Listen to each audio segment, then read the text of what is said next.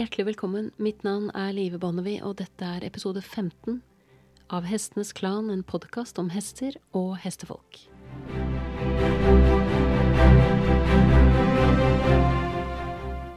I denne episoden har jeg valgt å ta for meg noen feltnotater. Det var noe jeg antydet eh, under oppstart av denne podkasten at jeg kom til å gjøre etter hvert. Nemlig finne fram mine gamle, slitte notatbøker og se om det går an å hente noe ut av dem som du kan ha glede av å høre. De notatene jeg tar for meg i dag, er hentet fra et kurs jeg deltok på med Leslie Desmond i 2004. Kurset ble avholdt i Veksjø i Sverige, og det er fra dette kurset anekdoten om shire-hesten og islandshesten, som jeg delte i episode tre, er hentet fra. Leslie Desmond har lært meg mye som jeg har tatt med meg videre. Det var hun som lærte meg å følge med på hestens bein, og ikke på hestens hode. Hun pleide å stille følgende kontrollspørsmål hver eneste gang det skjedde noe ute på banen. Hvilket bein forlot bakken først? Og de første titalls gangene jeg fikk dette spørsmålet, så ante jeg ikke svaret. Ganske enkelt fordi jeg aldri noensinne egentlig har fulgt med på hestens bein på en ordentlig måte.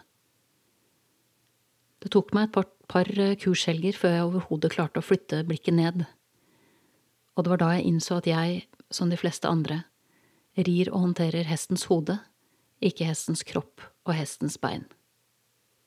Det var Leslie som lærte meg at det er svært viktig at en hest aldri mister diagonalen, uansett gangart. Og det var hun som lærte meg at en hest som rygger, skal ha samme diagonal som i trav og to takter, bare baklengs. Å be en hest om å rygge på en måte som gjør at den taper denne diagonalen, bør unngås hvis man tar hesten på alvor. Det var Leslie som lærte meg at å studere en hest som rygger, er den letteste måten å avsløre om en hest går på framparten eller ikke.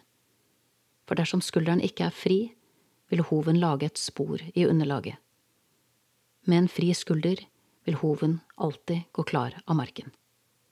Det var først flere år senere hos en annen klok hestekvinne jeg innså at det å be en hest om å rygge i det hele tatt, er noe vi bør unngå så langt det er overhodet mulig. En hest må for all del kunne rygge for å kunne transporteres, reddes ut av en vanskelig situasjon, eller som en del av en øvelse i et program, men det er viktig å være bevisst på at det er helt unaturlig for en hest å gå baklengs, så det er ikke noe man skal ta lett på. Det var Leslie som lærte meg at dersom du kryssbinder en hest, vil dette i høyeste grad påvirke hesten under rytter. Det vi bygger på bakken, tar vi som kjent med oss opp på ryggen, og når en hest kryssbindes, sementeres eller låses framparten når vi er sammen med den, noe som vil påvirke kvaliteten på sideførende øvelser, bakdelsvendinger og piruetter. Når blikket mitt var på det skarpeste, kunne jeg se om en hest rutinemessig ble kryssbundet basert utelukkende på måten den beveget seg. Og det var hun som viste meg at ved å se på musklene i hestens hals og bringe kan avdekke hva slags forhold hesten har til menneskene rundt seg, og hvordan den forholder seg til å bli ridd. Det første som står i min notatbok, som er bundet inn i gyllenbrunt skinn, er at det er lett å vektlegge at hestene har vært på flukt i flere tusen år, men glemme at de er intelligente dyr, som gjør aktive valg. Intelligente dyr med tre sterke krefter i seg, som alltid beveger dem i tre ulike retninger. Det er nysgjerrigheten som holder dem tilbake. Det er sanseligheten som holder dem oppmerksomme, og det er flukten som driver dem bort. En følsom rytter som kjenner sin hest, forsterker de to første, nysgjerrigheten og sanseligheten, og hun presenterer gode alternativer til det siste, flukten. Vår oppgave som ryttere og hestemennesker er å tilby muligheter og åpninger, som alternativer til tvang og begrensninger. Samspillet mellom hest og rytter skal alltid handle om gjensidig følsomhet, og den beste investeringen du kan gjøre, er å ta deg god tid. Dersom en hest er anspent, har den lite følsomhet å tilby, og dersom du også er anspent, vil det forverre situasjonen for hesten. En hest kan bli svært stresset av ting som hender, dersom den ikke forstår hva som skjer. Så det første målet bør alltid være å fortjene hestens myke og villige oppmerksomhet. Dersom hesten ikke gjør det du ønsker, må du gå ut fra at det er fordi den ikke forstår hva du vil den skal gjøre. Usikkerhet må aldri forveksles med uvillighet. Når hesten forstår hva du vil, og hva du forventer av den, vil den gi deg nettopp det uten å nøle. Like til grensen av dens fysiske og mentale kapasitet, og ofte langt forbi. Hestens natur er mild og samarbeidende, og det er viktig at vi møter den med samme mynt. Dersom vi svikter hesten i første runde, og den ikke har fått opparbeidet et solid fundament å stå på i møte med mennesker, er den på mange måter fortapt fordi den aldri vil vite med sikkerhet hva som er forventet og hva vi ønsker at den skal gjøre. Og i det øyeblikket en hest blir usikker, befinner den seg automatisk i et område der flukt er det vanligste reaksjonsmønsteret. Og dersom vi velger å stenge denne muligheten, noe vi dessverre ofte gjør når vi trener hester med tvangsmidler, kan vi for all del beholde kontrollen over hestens fysiske kropp. Men vi kan ikke hindre at den mentalt flykter langt utenfor rekkevidde for all kommunikasjon og læring. I slike situasjoner vil ditt utgangspunkt for å kunne nå inn til hesten i verste fall reduseres til null. Det er dessverre en svært menneskelig egenskap å bruke hestens følsomme natur som et våpen til å oppnå egne mål gjennom bevisst eller ubevisst bruk av frykt og tvang. Men det er viktig å huske på at hestens språk handler om bevegelse og berøring, og at vi, ved å berøre hesten direkte eller indirekte, skaper potensiell bevegelse. Og dersom vi blir upresise, blir hesten usikker på hva som forventes av den, og dermed ute av stand til å respondere med letthet og villighet. Oppgaven vår er ikke å be hesten om å gjøre noe, eller kreve at hesten gjør noe, men å presentere hesten for en mulighet eller et tilbud.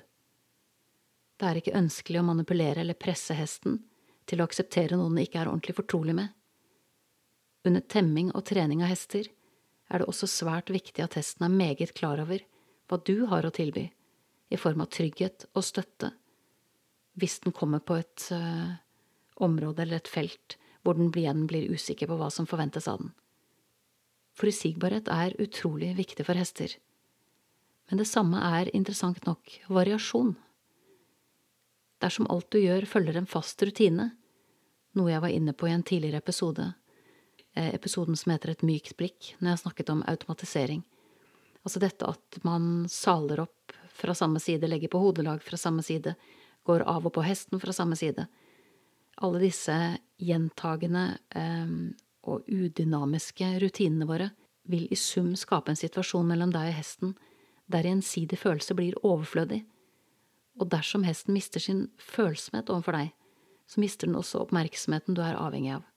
Anstreng deg derfor for å bryte mønster og gjøre ting annerledes i hverdagen, for å skjerpe både deg selv og hesten, men gjør det med ro og varsomhet, så hestens nysgjerrighet vekkes, men behovet for flukt forblir sovende.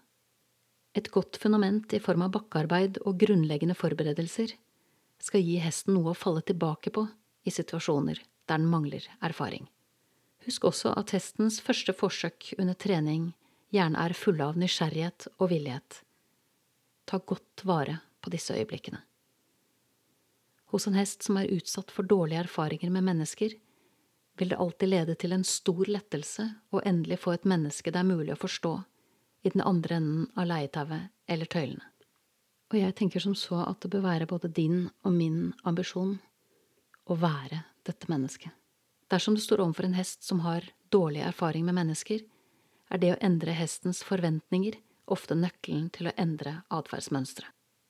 Det er viktig at du har klare intensjoner som kan justeres og at du alltid er bevisst på at det som er tillært, også kan avlæres, både hos hest og menneske.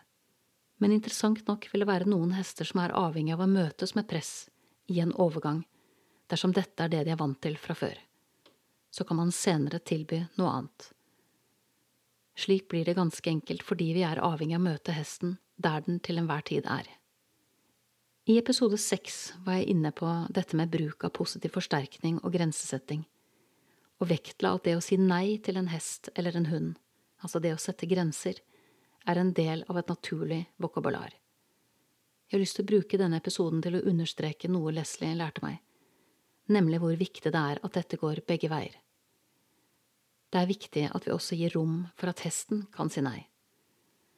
Dette er interessant nok veldig provoserende for folk som har ridd lenge. Ikke alltid, men ofte. For vi har jo lært at det er vi som må bestemme. Og hvis vi ikke bestemmer alt, så tar hesten over lederskapet. Men er det sant? Og hvilken grunnforståelse bygger denne tankegangen egentlig på? Det er på høy tid å legge myten om lederhoppa og lederhingsten bak oss.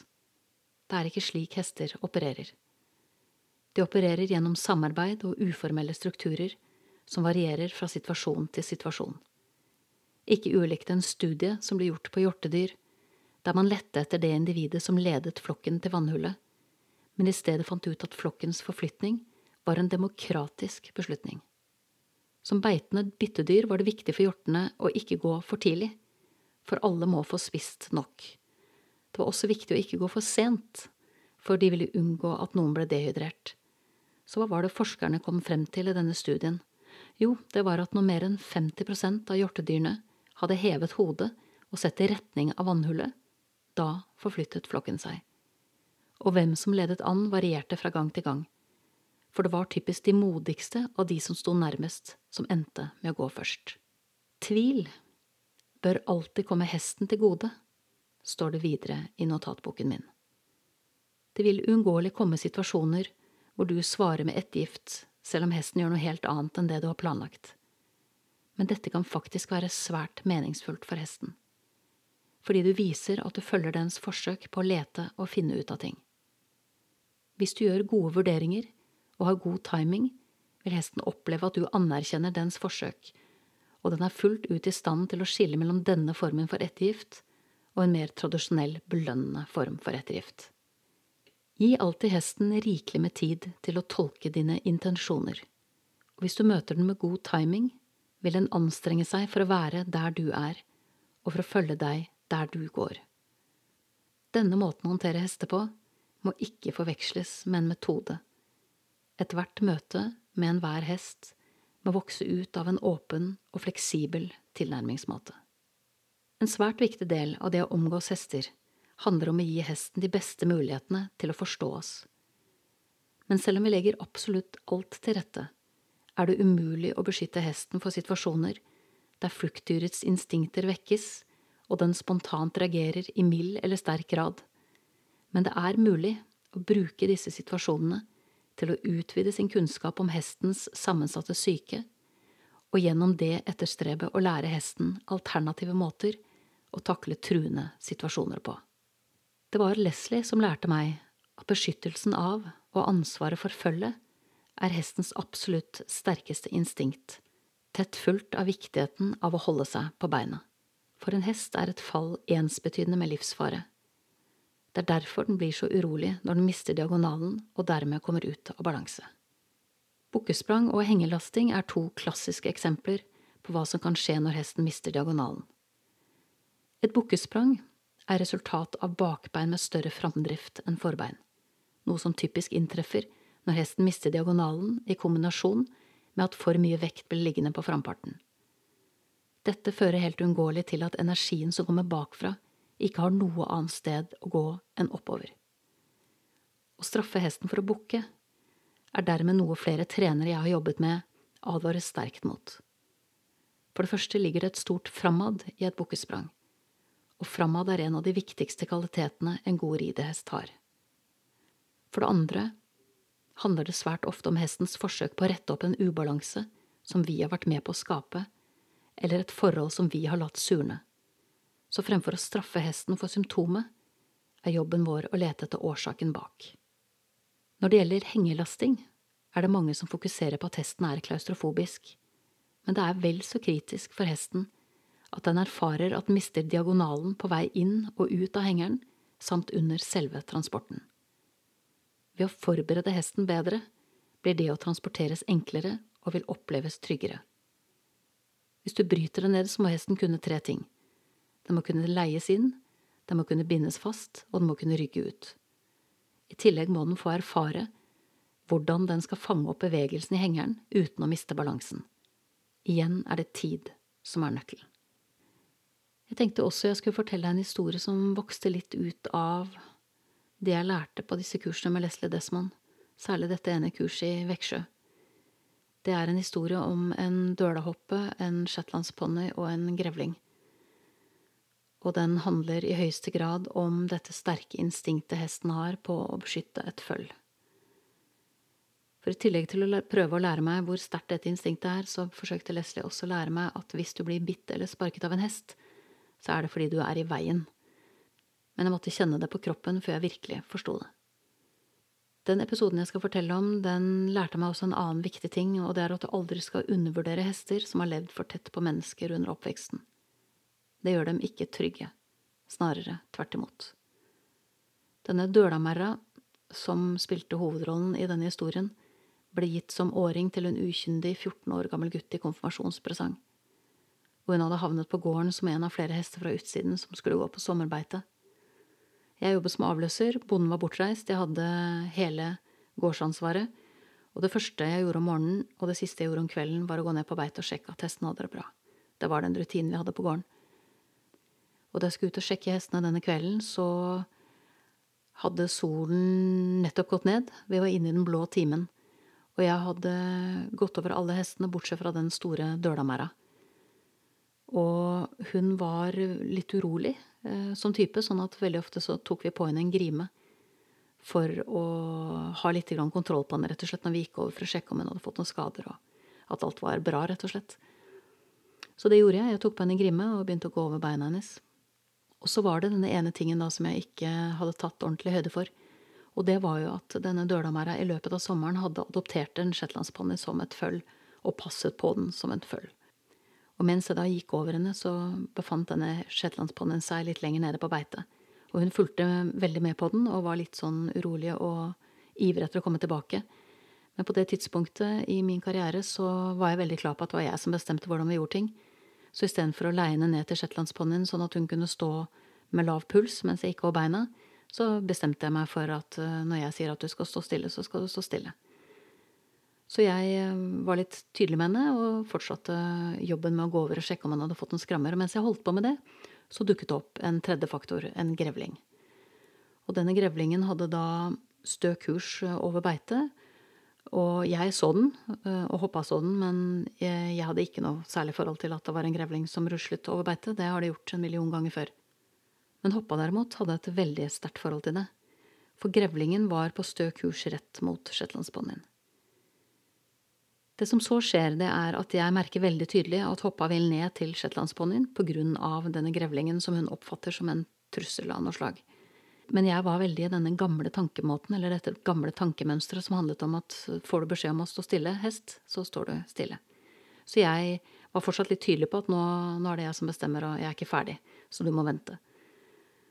Det som så skjer, ehm, er et øyeblikk som jeg nok aldri kommer til å glemme så lenge jeg lever, fordi at det er ikke så mange ganger i livet man føler at man er døden nær, men dette var et sånt øyeblikk. For det hun gjør, det er at hun slår opp med frambeinet. Det kommer så fort og så kraftfullt at jeg rekker ikke å reagere før øyeblikket er over, men jeg rekker å se hoven med hesteskoen passere i sakte film rett ved siden av eh, øre og skulder og lande på bakken ved siden av meg. Altså, hun har rett og slett slått av i hodehøyde, men hun treffer ikke skallen min. Eh, hadde hun gjort det, så hadde jeg ikke sittet her og hatt denne podkasten nå. Jeg blir så rystet av det utfallet fordi jeg har rett og slett aldri opplevd den type angrep fra en hest. Og jeg ante ikke at en hest kan klare å løfte beinet sitt så høyt. Så jeg er rett og slett eh, helt brakt ut av fatning. Men jeg slipper ikke leietauet. For jeg er fortsatt så innstilt på at denne jobben skal gjøres, øh, og det ikke kan slippes noe tau. Litt på linje med at du ikke slipper tøylen når du faller av. Så det, det leietauet var bare limt fast i hånden min. Det som så skjer, det er at hun gjør et utfall til mot meg, fordi grevlingen er fortsatt i strøket rundt shetlandsponnien, og hun skal tilbake til shetlandsponnien fordi den har vekket dette sterke morsinstinktet i henne. Jeg slipper ikke leietauet, og hun gjør et nytt utfall. Da er jeg i nærheten av noen trær, så jeg klarer på en måte å gå litt sånn bak dem, og kommer meg sånn sett, går sånn sett klar av hennes andre forsøk på å knuse skallen min. Um, og jeg uh, rykker da ganske kraftig inn i leietauet noen ganger og brøler antageligvis ut noe sånt som at uh, dette går ikke an, eller dette finner jeg meg ikke i. Og jeg er såpass tydelig at hun på en eller annen måte rives litt ut av den transen som handler om å beskytte følget. Og også kanskje får vi litt hjelp i situasjonen av at grevlingen nå er gjennom beitet og har forsvunnet igjen. Men jeg fortsetter da å holde fast i leietauet, og fortsetter å gå over eh, hoppa sånn som jeg hadde tenkt, men jeg må jo innrømme at jeg på dette tidspunktet er mindre grundig enn jeg pleier. Fordi jeg har eh, rett og slett kjent på en reell eh, dødsangst. Eh, og den har på en måte fått gjentatt seg i og med at det var mer enn ett utfall. Så har jeg sjekket over på, hoppa, og jeg slipper henne løs, og hun løper ned til shetlandsponnien og, og forsikrer seg om at alt er i orden. Og det jeg tenker, både basert på det jeg lærte på det kurset med Leslie Desmond, og basert på bare ren eh, allmenngyldig logikk. Det er hvorfor i all verden kunne jeg ikke bare sluppet henne? Hvorfor kunne jeg ikke bare sluppet henne når hun var bekymret for det følget, eller det hun definerte som sitt følg, og så latt henne få lov å gå ned og ordne opp i den situasjonen med grevlingen, jeg kunne gått inn og sett eh, Kveldsnytt, og jeg kunne kommet ut igjen en halvtime senere. Vi kunne tatt en frisk start og eh, begynt på nytt. Hvor kommer dette sterke behovet for å være den som skal bestemme fra? Hvis det er noe jeg tenker at jeg har lært gjennom mine 40 år som, eh, som hestemenneske, så er det at dette eh, veldig menneskelige behovet for å være den som setter standarden for ting, eller, eller uh, lager rammen som skal gjelde. Um, det, er så, det, er så, iboende i oss, og det er Det har merket veldig på den reisen som handler om å gi rom for dette nei hos hesten. Som handler om å være mindre grådig og ta seg mindre til rette. Så har jeg på en måte erfart eh, gang på gang at ved å nærme seg hesten på den måten, så treffer man også en helt annen hest. Man får en helt annen eh, dynamikk, man får en helt annen relasjon, og man får en, et helt annet gjensidig tillitsforhold. Så hvis jeg hadde kunnet spole tiden tilbake, så hadde jeg, så hadde jeg bare sluppet henne når hun ble bekymret for den grevlingen. Da hadde jeg riktignok ikke fått den andre erfaringen som jeg opplever også som en svært verdifull erfaring, selv om den var veldig ubehagelig, og selv om det tok flere måneder før jeg fikk ned pulsen igjen på et vis, fordi hadde, den døla hoppet hadde vist meg en side av hestene som jeg ikke visste fantes. Altså den siden hvor de mener eh, business, eh, og de mener det veldig kontant. Den kraftfulle muligheten de har til å ta livet vårt med et knips. Altså, jeg ja, jeg brukte flere måneder på å komme over det. Jeg brukte også veldig lang tid på å snakke med noen om det, at jeg, jeg visste ikke hvordan jeg skulle beskrive det, rett og slett. Altså, det var nesten som jeg ikke trodde at det hadde skjedd. Så vil jeg også legge til at det tok veldig mange år, faktisk, før jeg innså at grunnen til at jeg overlevde den kvelden på det beitet med den grevlingen, den shetlandsponnien og den dølahoppa, det var ikke flaks. For hadde hun ment å treffe meg, så hadde hun gjort det. Så det tok meg liksom tid å også innse at det var en advarsel, og da jeg innså det, og det handlet litt om at jeg traff en annen veldig aggressiv hest, da jeg innså det, så forandret også det veldig mitt syn på den delen av hestens språk som vi kan oppfatte som veldig aggressiv, eller som veldig, i mangel av bedre ord, utagerende. Det er viktig å forstå at vold og aggresjon også er et språk og at det er det språket som er igjen når alt annet eh, blir for lavt eller for upresist og ikke tjener saken godt nok. Så var det en veldig erfaring i forhold til å ha en ydmykhet i forhold til den kraften som hester har, og hvor utrolig tålmodige og godmodige de er, som så sjelden bruker denne kraften mot oss. Og jeg tenker at det er veldig viktig at vi er eh, klar over at det er sånn det er, og at vi på en måte nesten takker for den gaven det er at det gir oss så mye handlingsrom som det faktisk gjør. Å forstå hester krever mer enn kunnskap og erfaring. Jeg vil langt på vei eh, både sitere Leslie og også underskrive selv på at det er en form for kunst. Og det å tilbringe tid med hester er dypest sett å utsette seg selv for en evig utfordring på hvem vi er, og hva vi står for, både i verden og i livet. Og det siste kursnotatet, i boken med det gylne skinnomslaget, er som følger. Husk at hester tilgir mye, men de glemmer aldri. Du har nettopp hørt episode 15 av Hestenes Klan, en podkast om hester og hestefolk. Takk til min faste komponist Fredrik Blom.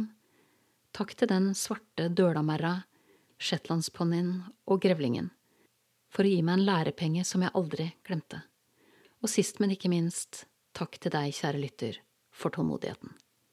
Måtte hesten for alltid være med deg.